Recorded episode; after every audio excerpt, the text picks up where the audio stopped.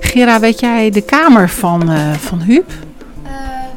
Oh ja, dat is op de derde verdieping en dan ga je linksaf, einde van de, en dan aan het einde rechts en dan weer links.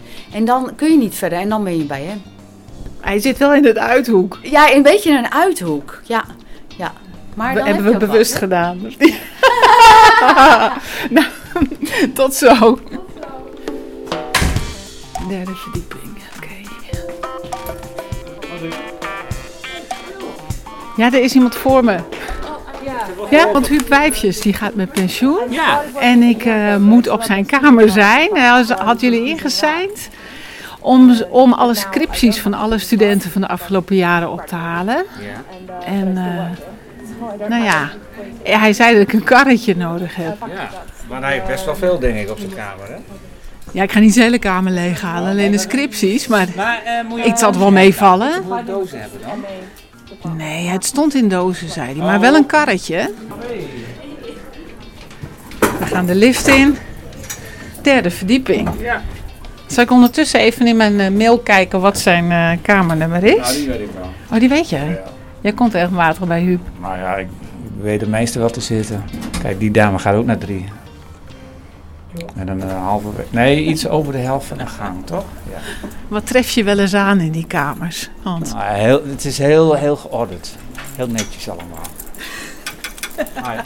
Nou, kijk. Oh ja, ach, het is hartstikke netjes. Ja. Nou, eens even kijken. Hij had het over die bruine dozen, maar dit zijn er best veel. Scripties, oh. Oh, maar dit is hartstikke veel. Nee, serieus. Ga je even helpen hoor, Hans, want dit is wel... eh, Ja, Suzanne, we komen je kamer leeg roven. Ja, ja, ja, er gaat toch echt een eh, icoon gaat met pensioen. Wat zeg je? Er gaat een icoon met pensioen. En hij kan maar moeilijk afscheid nemen van eh, eigenlijk eh, het echte goud, hè, wat wij produceren, scripties. Vind je dat het echte goud, ja? Nou ja, daarmee gaan mensen toch eh, uiteindelijk afstuderen en de maatschappij in. Ja, dat is eh, eigenlijk waarom ik ook eh, graduations altijd zo mooi vind. Dat is het moment waarop je denkt, oké, dit is ons echte werk. Mensen klaarstomen voor de volgende generatie. Voor de volgende, voor de tijd. Je moet even kijken hier. De inventarisatielijst. Oh, jij staat erop. Dat ben ik. Kijk nou. Anne Peto, Mr. Moskowitz is even stil. Oh, nou, nu al heel lang, maar... Het gebruik Oh, van een oneigenlijke lied. Ja, houd er even op zeg. Snijders, Max Snijders. Ja, je bent een van de eerste dan. Hij, zei, hij zegt altijd, jij was mijn eerste. Ja, dat klopt. Nee, dat, ik was helemaal niet zijn eerste. Richard Dat zegt hij tegen Hoving. ieder- Dat zegt hij gewoon tegen iedereen, denk je niet? Richard Hoving was de eerste. De Wegener, de Wegener van Courantier naar Concern. 1903, 1981. Vrouwen in de journalistiek, Claudia Kammer. leuk. Vrouwen. Ja. Jacqueline Nienhuis, ook al vrouwen. Zie je dat? Hij heeft er zelfs een trefwoord bij gezet. Oh, ja, ja. Doe jij dat ook? Ach man, ik, ik, ik, ik voel me altijd zo klein als ik dit zie. Het lukt mij gewoon niet. Nee. 7,5. Oh, ik had een 8. Had je een acht? Staat de cijfers er ook bij? Ja. Ah, ja. Oh, kijk. Ik was wel tweede, maar ik was wel de eerste acht. Niet de eerste negen zie ik, die kwam later. Ja, nou wrijf dat er dan nog maar even in, hè? Maar dat ging over vrouwen, dus waarom Ja. verbaast me dat dan niks? Oh, nee, oh, dat mag je niet zeggen. Hè? Nee, maar tweede, nee, maar dat is hartstikke mooi. Ja. Drie negens. En Misschien is hij wel- allemaal eh, in het Nederlandse. Ja. Dus inmiddels is dat eh, natuurlijk ook steeds meer in het Engels geworden. Ja. Oh, Marcel hier. Daar Marcel. Broersma, Ja, ja. Marcel Broersma. Die ging daarna 1996. promoveren en werd hoogleraar hier. Marcel daar? Marcel is er. Er Maar wel. daarmee kom zijn eh, scriptie vanzelf tegen, denk ik. Wat voor cijfer had hij? Negen. Ah, gadverdarrie.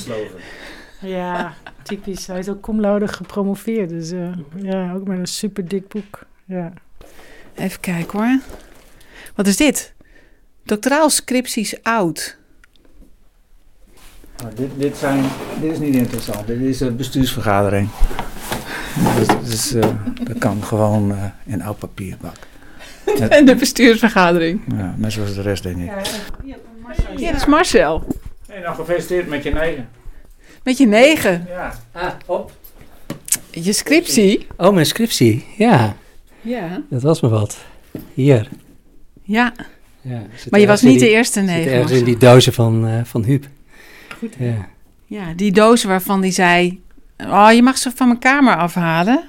En dan gaan we leuk een podcast opnemen. Ja. Om ze door te nemen. En, en dan ook hè, alle ontwikkelingen in de journalistiek te zien. Er stond de vraag over zijn hernia, van het slepen met al die dozen. Kijk, en Anne zelf. Oh, Anne, wat had jij? Een acht. Ja. Ja, dat is Daarom toch, ben ik eh, praktijkdocent. en jij hoogleraar. verschil moeten zijn, hè? Ja. Ik, was, het. ik was wel de eerste acht. Hmm. En Ja, ik was goed, sneller ja. dan jij. Ja, En Maar mijn jij- scriptie was leuker.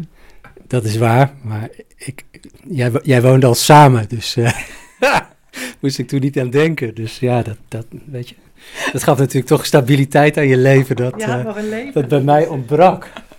Nou, het is wel niet leuk. We moeten in de podcast, maar nu is het plezier er alweer vanaf. Ja. Nou ja, ik zit me af te vragen hoe we dit... ehm, er zitten wieletjes onder. Nou, zullen we maar meenemen dan? Ik ben de voorloper. Oké, ben ik toch nuttig. Ik kan wel sturen, laat maar los. Je moet je blouse even afkloppen, want dan zit onder de stof.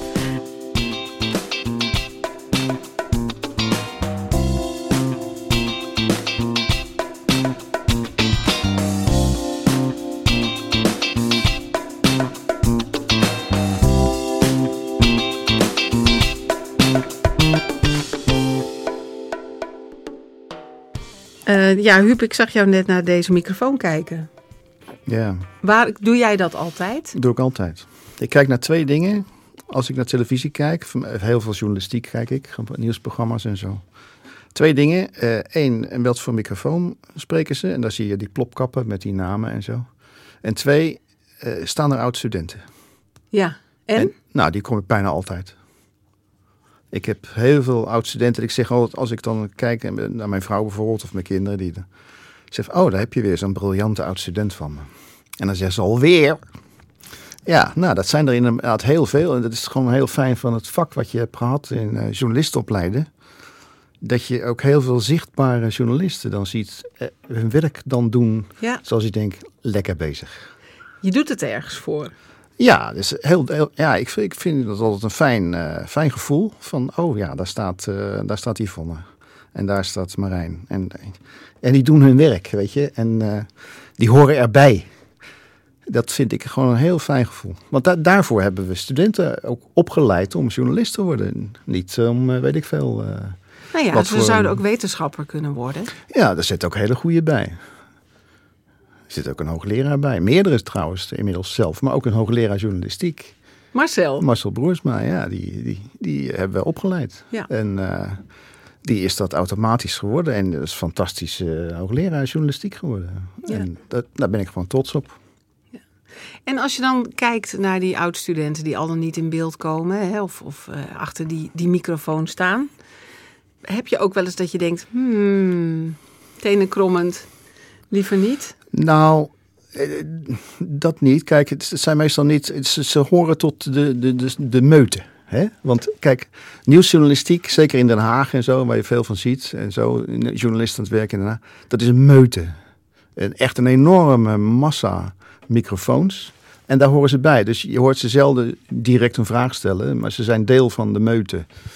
Is tevens een van de grote verschijnselen die ik van de- in, in mijn hele periode van 30 jaar eh, heb meegemaakt, dat die meute zo ontzettend gegroeid is.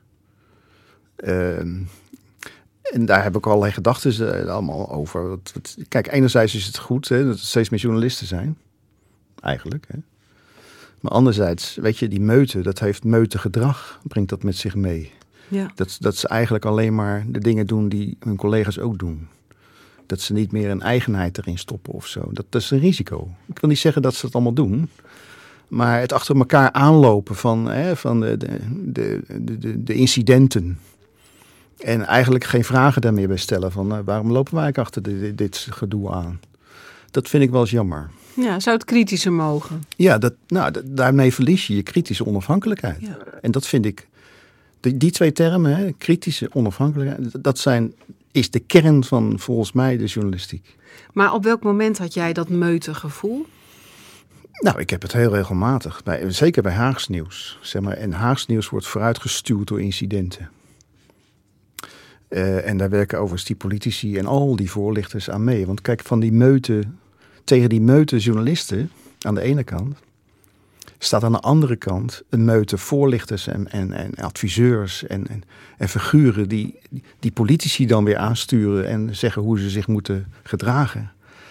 Die nog groter is dan de journalistiek. Daar, hebben, we- daar hebben we veel onderzoek naar gedaan en veel over geschreven. Dat zeg maar, het probleem dat veel mensen ervaren van de, de heigerige nieuwsindustrie, want dat is het, daar Mhm. komt meutegedrag ook uit voort. Dat iedereen achter hetzelfde verhaal emotioneel loopt en geen vraag in miste. Dat kan je niet alleen aan die journalisten wijten, maar dat komt ook uit die andere kant. Ja. En maar misschien zelfs meer. dat misschien wel doorbreken door zelf te beslissen. Wij gaan niet meedoen aan het meutergedrag. Ja, als je die vrijheid hebt. Soms heb je die vrijheid niet. Kijk, als je, als je in de harde nieuwsjournalistiek zit, van vandaag moet er een stuk zijn over, hè, dan is dat een stuk moeilijker dan dat je schrijft voor een, een tijdschrift eh, wat er één keer per week of per maand verschijnt. Of eh, waar je langere stukken kwijt kan, wat meer onderzoek kan doen. Mhm. Ook voor televisie. Hè, er zijn ook rubrieken die wat meer tijd kunnen nemen. En, Ja, maar dan nog, Huub, je kan toch altijd beslissen als individuele journalist.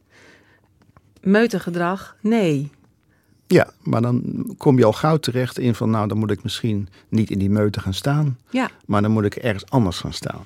En dat kan ook in Den Haag over zijn. Maar je ziet het ook in de sportjournalistiek enorm. Hè. Dus, eh, al, die, al die sectoren die hevig in de belangstelling staan van mensen. eh, daar zie je de meutes ontstaan. Eh, en overigens in al die sectoren zie je ook onze oud-studenten staan. Ja. Echt. En, dat, en daar vind ik ook echt heel belangrijk daarbij. Steeds meer vrouwelijke journalisten. Ik heb in die 30 jaar dat ik journalisten zeg maar, ontmoet, die, of mensen, studenten die journalisten willen worden. Wij begonnen met een verhouding man-vrouw, denk ik, van 70-30. Mannen 70, vrouwen 30. En ik heb het echt zien omslaan, zo het begin van deze eeuw, naar het tegendeel. En nu is, denk ik, als je, ik weet niet precies de cijfers, maar als ik het zo zie, is het andersom. 70% van de studenten die journalist willen worden zijn vrouw en 30% is man. Ja, we gaan het trouwens zo meteen nog even over hebben ook hoor. Over die mannen en vrouwen. Weet jij nog wie er in jouw sollicitatiecommissie zat? Toen je hier aangenomen werd. Jawel, dat was in ieder geval de eerste journal- hoogleraar journalistiek eh, die in Groningen benoemd is. Dat is Max Snijders.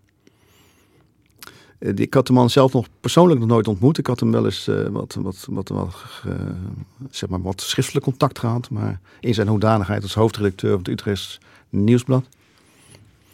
Maar ik kwam hem voor het eerst fysiek tegen. En ik vond het een beetje een klein iel mannetje. En daarnaast zaten er wat mensen uit de wetenschap die ik wel kende, ook uit andere hoedanigheden. En, maar Max Snijders was veruit de belangrijkste. Want ja, hoogleraar journalistiek. En er was toen nog maar één assistent, zoals hij dat noemde. Assistent bij de opleiding journalistiek. Hij was de baas. Ja? En daarnaast was er eh, toenmalig eh José van Dijk, die eh, mijn voorganger was. En die ging naar eh, Maastricht Universiteit. En daar kwam ik voor in de plaats. Althans, de, de vacature was Ja. daarvoor bedoeld. Zat ook een student in. Ja, en dat was jij volgens mij. Dat klopt. Dat was ik. en in die tijd hield ik nog een dagboek bij. Oh. Eh, en daar, ik, ik, heb, ik heb jouw sollicitatiegesprek. Nou, daar ben ik heel benieuwd naar. nou, ik vond je heel jong. Ja, Ehm, ik was 39. Maar je had best eisen ook. En eh, dat waren natuurlijk eisen die ik als, als student eh, ja, best, best eh, ja, hoog van de toren geblazen Ja. vond. Ja. Maar eh, nu snap ik, jij had een eh, jong gezin. Nou ja, dat is het. Kijk, je, je maakt een beslissing. Kijk, het was eigenlijk voor mij de ideale baan. En dat is ook gebleken, gelukkig. Maar voor mij. Hè, dus eh, ze hebben inhoudelijk. Ja, Ik kon eindelijk onderzoek zelf, zelfstandig gaan doen. En ook in de richting die ik wilde. En, en journalistiek. Ik was coördinator van de opleiding in journalistiek academisch in Rotterdam. Bij de Erasmus Universiteit. En daar coördineerde ik alleen maar, zeg maar. En ik wilde veel meer zelf onderwijs geven. Nou, dus je neemt de beslissing voor jezelf. Maar ik heb een gezin. Dus ik heb een vrouw die werkt. En ik heb drie kleine kinderen die net op school zitten. Of, of, hè, zo. Dus daar neem je ook een beslissing voor. Als je dat helemaal op jezelf betrekt. Dus we hebben daar driftig in het gezin over gesproken. En mijn vrouw was er uiteindelijk wel van overtuigd dat, dat die stap moesten maken. Ook al had andere overwegingen overigens. Dat we een, een omgeving zochten die meer ruimte en rust zou bieden dan de Randstad. Maar zij moest de baan opzeggen, Ja. nieuw werk zoeken. De kinderen moesten op nieuwe scholen. Allemaal dingen die, nou ja, die, die, die hun bezig moeten houden. Dus dat was eventjes iets, vandaar misschien de wat hoge eisen. Ja, het was een grote mensenbeslissing. Ja, ik wilde bijvoorbeeld zeker weten dat ik eh, na een jaar een vaste aanstelling zou kunnen krijgen. En dat, ja, dat vind ik toch wel een logische eis eigenlijk. Dat, Ja. eh, je stapt echt niet alleen over, maar met z'n vijven. Ja, en dat heb je gedaan. En je hebt hier eh, echt wel lang gezeten. 25, nee, 27 jaar, ja. Ja. En je hebt dus die 167 scripties begeleid.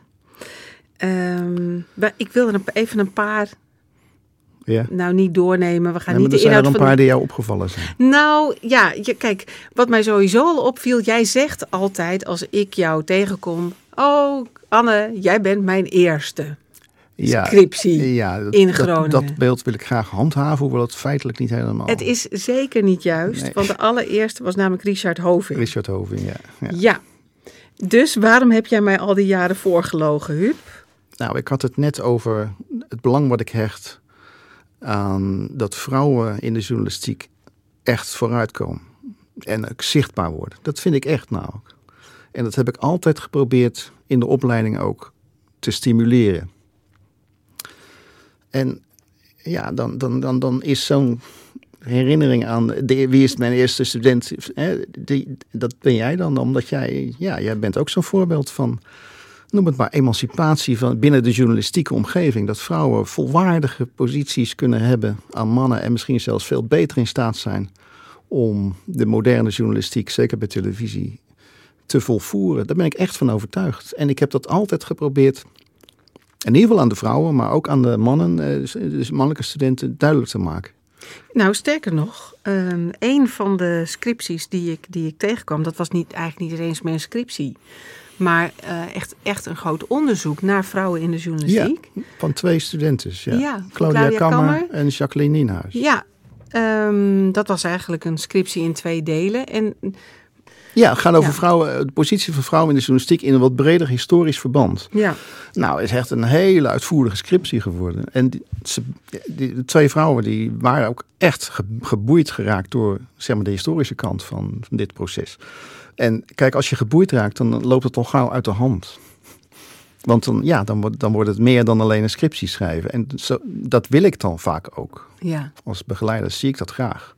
Dat studenten met hun onderwerp aan de haal gaan. Maar er zijn ook formele eisen en, en het moet afgerond worden. En dan hadden we bijvoorbeeld aan Max Snijders, die medebegeleider was van het geheel. Nou, niet zo'n makkelijke man. Want die, die, die is groot geworden. Max was natuurlijk van een heel andere generatie. Waarin het heel vanzelfsprekend was dat mannen alle leidinggevende posities. en zelfs mannen in de journalistiek. überhaupt moesten domineren. Ik wil niet zeggen dat die vrouw vri- onvriendelijk was, maar hij had een heel ander idee. ja. Hij noemde studenten eh, journalistiek ook altijd meisjes. ja klopt, Heb klopt. ik nooit gedaan. Ja, ja, nee, hij noemde mij ook altijd het Zoap-meisje. Ja, nou, zo. Vanwege een, een stuk wat ik in de Volkskrant had geschreven. Ja, hij, normaal was, hij was er niet echt tegen, maar je merkte gewoon dat hij een andere andere generatie, generatie, toch? Ja, ja. En eh, nou, dat, dat had ook van, ja, eh, scriptie over vrouwen in de journalistiek. Hij had wel wat, wat andere ideeën over waar scripties over moesten gaan of zo. En dus Vooral over er krant. Een, ja, en daarom hebben jullie er natuurlijk gewoon een dubbelscriptie van gemaakt. ja, hebben we een dubbelscriptie van. De, de, de twee eh, studenten wilden het ook graag. Ja, En ik heb ze dat ingestimuleerd. En het is een hartstikke mooie scriptie geworden. Ik geloof ook zelfs negen, dacht ik. Hè? ja, klopt. Je hebt negen gegeven. Ja, dat En zijn er niet zijn veel, er hoor. meer scripties waarvan jij denkt, die blijven mij, eh, mij bij? Dat was, eh, de- ja, die, die hebben echt wat in gang gezet, echt wat veranderd. Of die waren gewoon razend goed.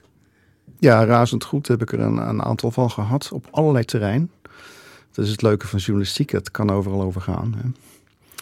Ik heb een aantal prijswinnende scripties gehad, ik geloof zeven. Die de scriptieprijs van Villa Media heet dat tegenwoordig. Ja. Maar vroeger heette dat eh, wat anders. In ieder geval, die prijs hebben gewonnen. Dat zijn altijd wat outstanding dingen. Ja, Eline de Zeeuw, weet ik uit mijn hoofd. Nou, dat vind ik inderdaad het proto... Kijk, zo'n scriptie Zij schreef, moet je even uitleggen, denk ik, eh, over... ehm, over Eh, de voetbal, voetbaljournalistiek eigenlijk. Maar dan de andere kant. Hè? Dus de, de interactie waar we het mee begonnen eigenlijk het gesprek. Dus dat je meutes hebt. En die heb je zeker in de voetbaljournalistiek. Meutenjournalistiek. Eh, en dan zit je bovenop je onderwerp. En een heleboel mensen zitten er bovenop. Maar aan de andere kant staan ook allerlei krachten die jou proberen te beïnvloeden. En die zijn heel groot geworden. Bijvoorbeeld in het professionele voetbal. En Eline, Eline de Zeeuw, die heeft toen bedacht van eh, dat beg- begrip clubwatchers. Hè, dat zijn journalisten die 100% van hun tijd besteden aan het, eh, het coveren van één voetbalclub. PSV of Ajax of Feyenoord of FC Groningen. Eh, En die heb je in al die 18 profclubs van de eredivisie, heb je in die steden heb je clubwatchers. Die zijn alleen maar bezig met die. In wat voor een spanningsveld moeten die nou opereren? Want dat zijn nogal wat belangen, hè? Van de voetballers, van de trainers, van de clubs, van de eigenaren, van de, de, de commerciële kant van het voetbal, wat ongelooflijk omvangrijk is. Zeker bij de topclubs. Ja. Hoe handhaaf je dan je onafhankelijkheid? Kan je journalist blijven? Of, Kan je journalist fan? blijven? Ja, Nou, dat is zo. natuurlijk sowieso binnen de Ja. sportjournalistiek een hele ingewikkelde. Ben je journalist of ben je fan? Ja. Daar moet je wel heel bewust in kiezen. Ja. En Elina heeft eh, een, een prachtige scriptie geschreven waarin dat hele krachtenveld wordt blootgelegd aan de hand van. Ze heeft ze allemaal gesproken, vrijwel allemaal. Ze wilde ook bijna allemaal meedoen. Eh, en dan hebben we het over voetbaljournalistiek. Nou, dat is bij uitstek altijd traditioneel een mannenbolwerk geweest. en dan komt er een jonge vrouw vanuit een opleiding eh, journalistiek op academisch niveau. En die gaat dit onderwerp nemen. En wat je nu dus ook ziet, Eline zie je dan terug in de sportjournalistiek, in het voetbal. Ze staat nu in Qatar Ja. om mooie reportages te maken, goede interviews te maken. Nou, daar ben ik gewoon ontzettend trots op. Hoe zorg je ervoor dat die kennis die jouw studenten hebben en krijgen, dat die ook in het veld terechtkomen? Ja, nou ja, ik, we hebben al eens wat geprobeerd. Kijk, het is niet zo makkelijk.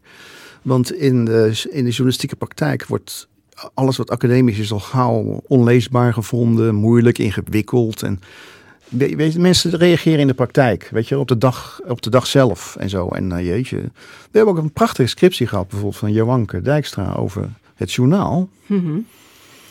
Ook een, eh, Een geliefd scriptieonderwerp ja, trouwens, hè, zeker. zag ik. Maar ja. echt fantastisch goed gedaan. Over, maar wat, wat was... Nou, dat dat, dat gaat over zeg maar, de manier waarop eh, het journaal de nieuws framed. Hè? hm, En eh, eh, z- zeg maar hoe je, noem het maar, emotionele verhalen kan mengen met meer rationele verhalen. Dus eh, je zei heel kort door de bocht, maar in ieder geval zoiets. En het is een methodisch hele goede scriptie geworden over een analyse van het journaal aan de hand van uitzendingen. En we hebben dat, J- Joanke en ik, samen gepresenteerd bij de middagvergadering van het journaal. Want die, eh, die vonden dat wel interessant. Ik zat toen overigens in de Raad van Toezicht bij de, de NOS, dus dat was een makkelijke toegang.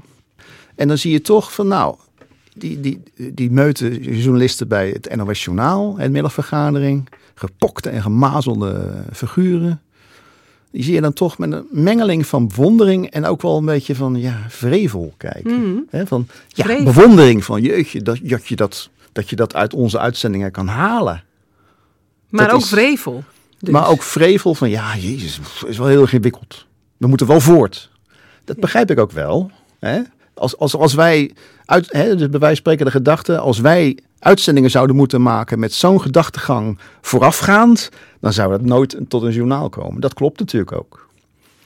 Maar dat is ook niet de bedoeling van een script. Kijk, een scriptie en alle academisch onderzoek is om mensen aan het denken te zetten over dingen die in de praktijk misschien iets te vanzelfsprekend zijn. Ja. Nou ja, dat zou wel een pleidooi kunnen zijn voor ehm, Kijk, en is... meer, meer eh, kruisbestuiving tussen dat onderzoek en, en gewoon de nieuwsvloer. Ja. Maar ik vind het grappig, want eh, haar scriptie ging over framing. Ik heb gezien dat heel veel scripties over Ja, framing een- gaan. In het begin ging het nog heel erg over Zuid-Afrika. bijvoorbeeld. Ook mooi hoor. En eh, ja, zeker. eh, journalistiek in de, in de VS werd uit, eh, ontrafeld. Nou, veel framing. Ehm, kan, je zeggen, kan jij er lijnen in ontdekken dat de onderwerpen van de scripties iets zeggen over de journalistiek van bijvoorbeeld dat decennium? Ja. Nou ja, we, zijn begonnen met, ook met beeldvorming. Weet je, dus hoe belangrijk het is.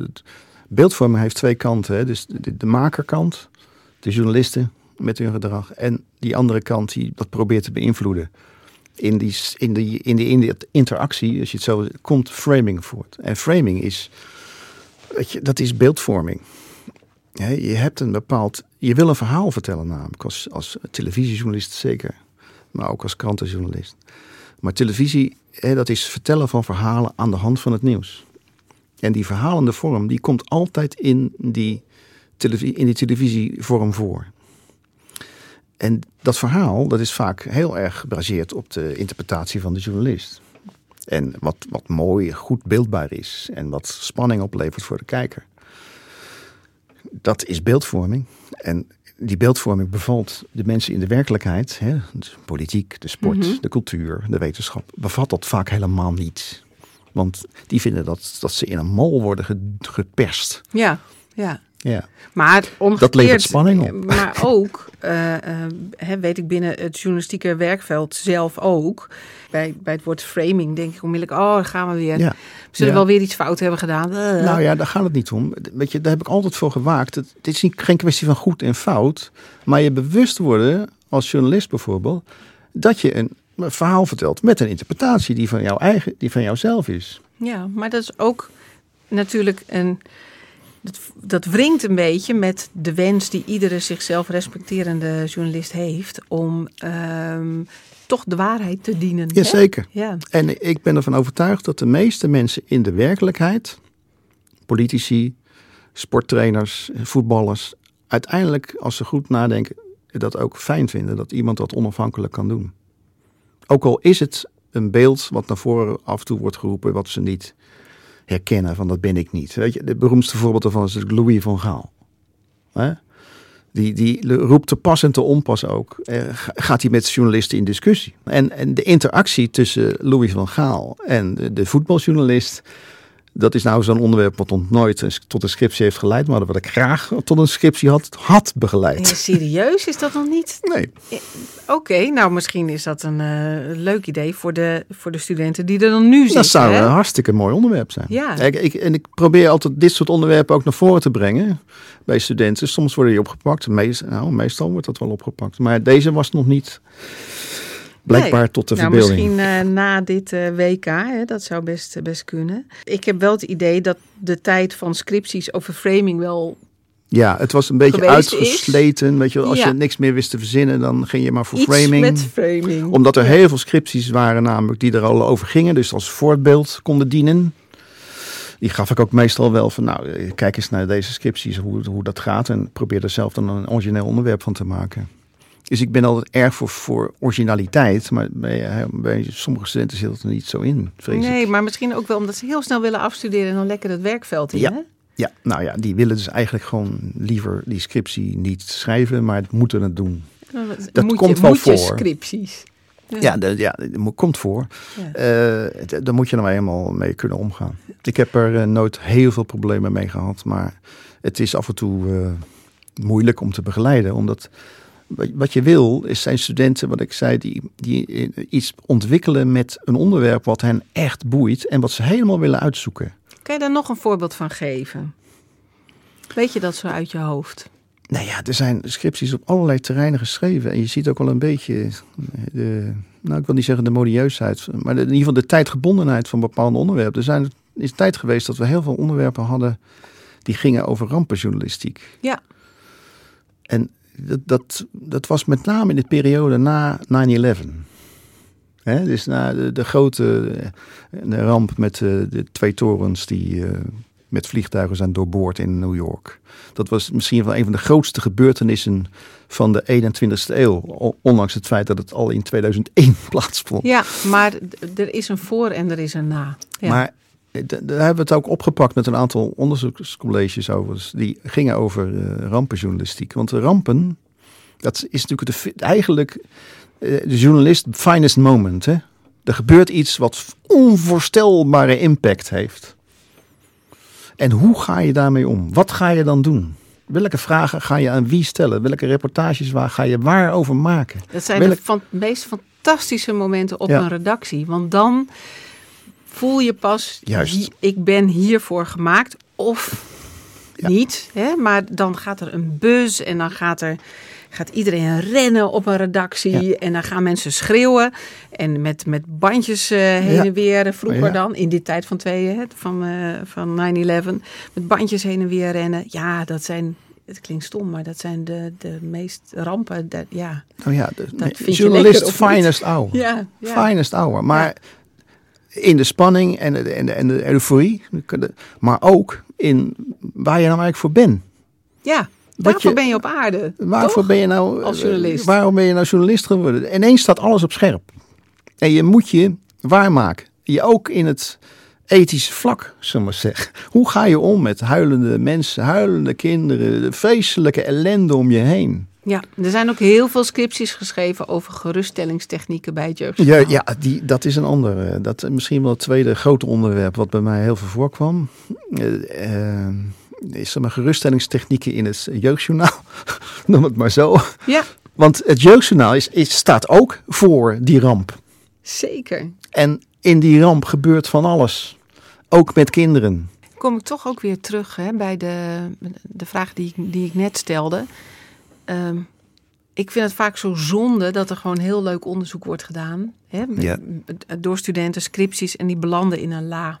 Ja, nou ja, dat is ook soms wel zonde. Ik, ik probeer altijd wel van de goede scripties wat artikelen te krijgen, maar dat is lang niet zo makkelijk. Maar hoe, ja, maar dan nog. Dan, hè, dat zijn dan wetenschappelijke artikelen, terwijl Ja. het werkveld er heel veel aan kan hebben. Zeker. Misschien, misschien ook niet. Ja. Ehm, ja, jij gaat nu eh, met, met emeritaat. Dat is natuurlijk in die zin wel een beetje jammer. Want anders zag, zag ik wel een leuk taakje nog voor je. Oh ja? Ja, hoe Nee. krijgen wij... Dan stel ik de vraag maar hè, voor je opvolgers. Hoe zorg je ervoor en, eh, dat die kennis die er is... die onderzoeken die er zijn... dat, dat wij journalisten... Hè, ik ben praktijkdocent ehm, en journalist... dat die daar ook daadwerkelijk... ehm, dat het nuttig is voor hen. Ja. Voor Nou ja, ons. maar ik zei al, er zijn, nuttigheid kan je niet alleen hebben in dat je publiceert wat je eh, hebt onderzocht. Maar ook in dat je over een bepaalde problematiek bent gaan nadenken. In die zin dat je daar wat hebt, aan hebt in de praktijk als journalist. Dat, dat is natuurlijk misschien wel nog belangrijker. Dat op een moment dat je zelf eh, voor een ramp staat die je moet eh, verslaan. Dat je in ieder geval een keertje eh, voor een scriptie bijvoorbeeld daarover nagedacht hebt. Wat er allemaal aan vastzit aan, en wat er gaat komen. En hoe je dan daarmee om kan gaan. Welke, wat de dilemma's zijn. Als je journalistiek bedrijft bij een ramp. Dat je dat herkent. En dat je vervolgens Ja, ja. misschien beter beslagen ten ijs komt om het te doen. Ja, Als dat al zo is, dan ben ik daar al zeer tevreden mee. dus dat geldt dan voor de schrijver van de scriptie... Ja. die de journalistiek ingaat. Ja, zeker. En dat gebeurt dus ook. Ja, ik heb met terugwerkende kracht een beetje spijt van mijn eigen onderwerp dan. eh. Oh, Ja. de loze lead. Weet De- iedereen nog wat dat is? Nee, niemand weet wie dat is, eh, wat dat is. Hoewel de Volkskrant wel, eh, eh, daar wel iets mee heeft gedaan. Literaire stijlmiddelen in nieuwsberichten was mijn ja, was nou ja, maar dat is toch ook een Ach, leuk ja. onderwerp. Het is in ieder geval een origineel onderwerp. Ja, dat kan ik niet is- missen, want ik was een van de eerste. En, En dan het- ben je hoe dan ook. je bent van de, e- een van de eerste, misschien wel de eerste die dat, die dat wetenschappelijk bekijkt. Ja, Dus dat is toch fijn? En dat is, ik, ik- kijk, een scriptie is, is een moment. Het is niet eh, doorslaggevend voor je leven, maar wel een moment in je leven. En als je er iets goeds van maakt, binnen de marges die ervoor gelden, je hebt beperkte tijd en eh, je beperkte middelen en je bent nog niet ervaren als onderzoeker en dat soort dingen, dan kan je daar toch met tevredenheid op terugkijken. ga je het missen? Scripties begeleiden? Want we hebben het natuurlijk nu hè, in, in, in Ja. dit, deze podcast echt over Ja. je scripties. Ja, ik- ja, dat ga ik missen, ja, want ik, het was echt mijn lust in mijn leven. Ja. Eh, de- vooral door de individualiteit. Van, de scri- de scriptie schrijft één student, soms twee. Maar in ieder geval niet meer. Dus die onderwerpen zijn altijd ge- gebakken aan een persoon. En eh, één persoon. En die begeleid je heel intensief. Je hebt heel veel gesprekken met, met zo iemand. Heel veel dingen gebeuren er ook in de emotionele sfeer. Want als het allemaal niet lukt, weet je, dat is allemaal niet zo makkelijk. Maar als het dan wel lukt, en dat lukt bijna bij allemaal, dan is er toch een euforie.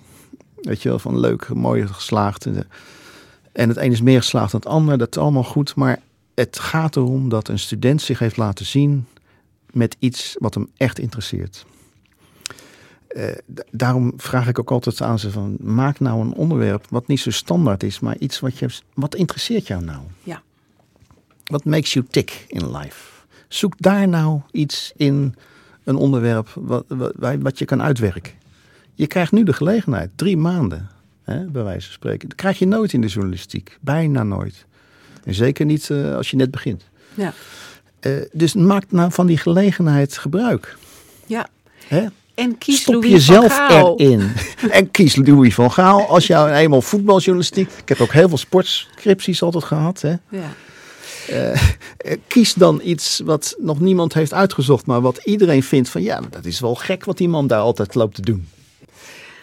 Huub, ja, we kunnen. eh, het, dit was één onderdeel van eh, die enorme carrière die je hier hebt gehad. Jij gaat, eh, vertelde je net voordat we de microfoon aanstond, echt nog wel onderzoek doen. Je gaat niet. Ja. Dat denken stopt niet. Nee, dat, is- weet je, ik heb altijd het geluk. ge- Ik vind het een geluk dat ik heb. En mijn moeder zou zeggen, mijn zegening. Dat, dat ik iets heb kunnen doen wa- waar je nog voor betaald wordt ook. Wat je echt ongelooflijk belangrijk vindt. En, en, en het meer is dan alleen werk. Weet je, het is, het is, niet, het is, het is mijn passie. Om nou over dingen na te denken die in de media gebeuren. En eh, ik geef er ook heel veel commentaar op. En dat houdt niet op. Als ik met emerita... Dat houdt gewoon niet op. Dat blijft je hele leven bij. En eh, nu krijg ik veel meer tijd om daar zelfstandig allerlei keuzes in te maken. Eh, ik hoef niet meer allerlei dingen te begeleiden. Ik hoef, ik hoef ook bij wijze van spreken niet meer te publiceren. Maar ik blijf dat wel doen, omdat ik dat gewoon heel erg leuk vind. En belangrijk vind. En ja, ik vind het ook relevant om het te blijven doen. Daar ligt misschien ook wel een parallel met het, de journalist. Ja, dat is ook een passie wat niet ophoudt als je 65 wordt. Ja, journalist ben je voor het leven. Als je dat eenmaal bent. Eh, Het is gewoon, je bent burger en je schrijft over het nieuws. Het is een burgerschapsbeleving en dat houdt niet op bij je pensioen. Ja, en als je daar een baan van hebt, is het natuurlijk heerlijk. Hè, dat je ervoor betaald Mhm. wordt en dat je dan mooie collega's hebt en weet ik veel. En je hebt een kader om in te werken, dat is allemaal prachtig. Anders kan het misschien ook niet, maar het houdt niet op met het ophouden van betaald werk. Na je pensioen gaat het niet, gewoon voort. Ja, hey, dankjewel. Eh als allerlaatste, een hele korte vraag. Ik heb net eventjes aan de huidige studenten gevraagd: van, joh, hebben jullie nog te maken gehad met Huub? Eh, ja, zeker. Zij, dus we hebben nog college van hem gehad en daar viel iemand flauw. En dat was een enorme consternatie. Moest de ambulance komen. Oh ja. Maar in dat eh, college wat jij hen hebt gegeven, het allerlaatste, omschreef je jezelf, hoorde ik van de student, als een soort fossiel. Eh, Dat is ik, om te provoceren, hè? ik wil net zeggen, wil je dat echt nooit meer doen? Nee, dat is, dat is om te provoceren. Als je levend blijft in je gedachtegang, ben je nooit te oud om het nieuws eh, te volgen. En zeker niet ook om het goed te volgen. En er een mening over te hebben. Hè? Als het je passie is en je, en, je, en je interesse, dan houdt het niet op. En dan kan je het levend houden. En studenten hou je altijd levend. Ze waren het ook niet met je eens. Nee, nou daar ben ik blij om te horen. Dankjewel, Huub. Alsjeblieft.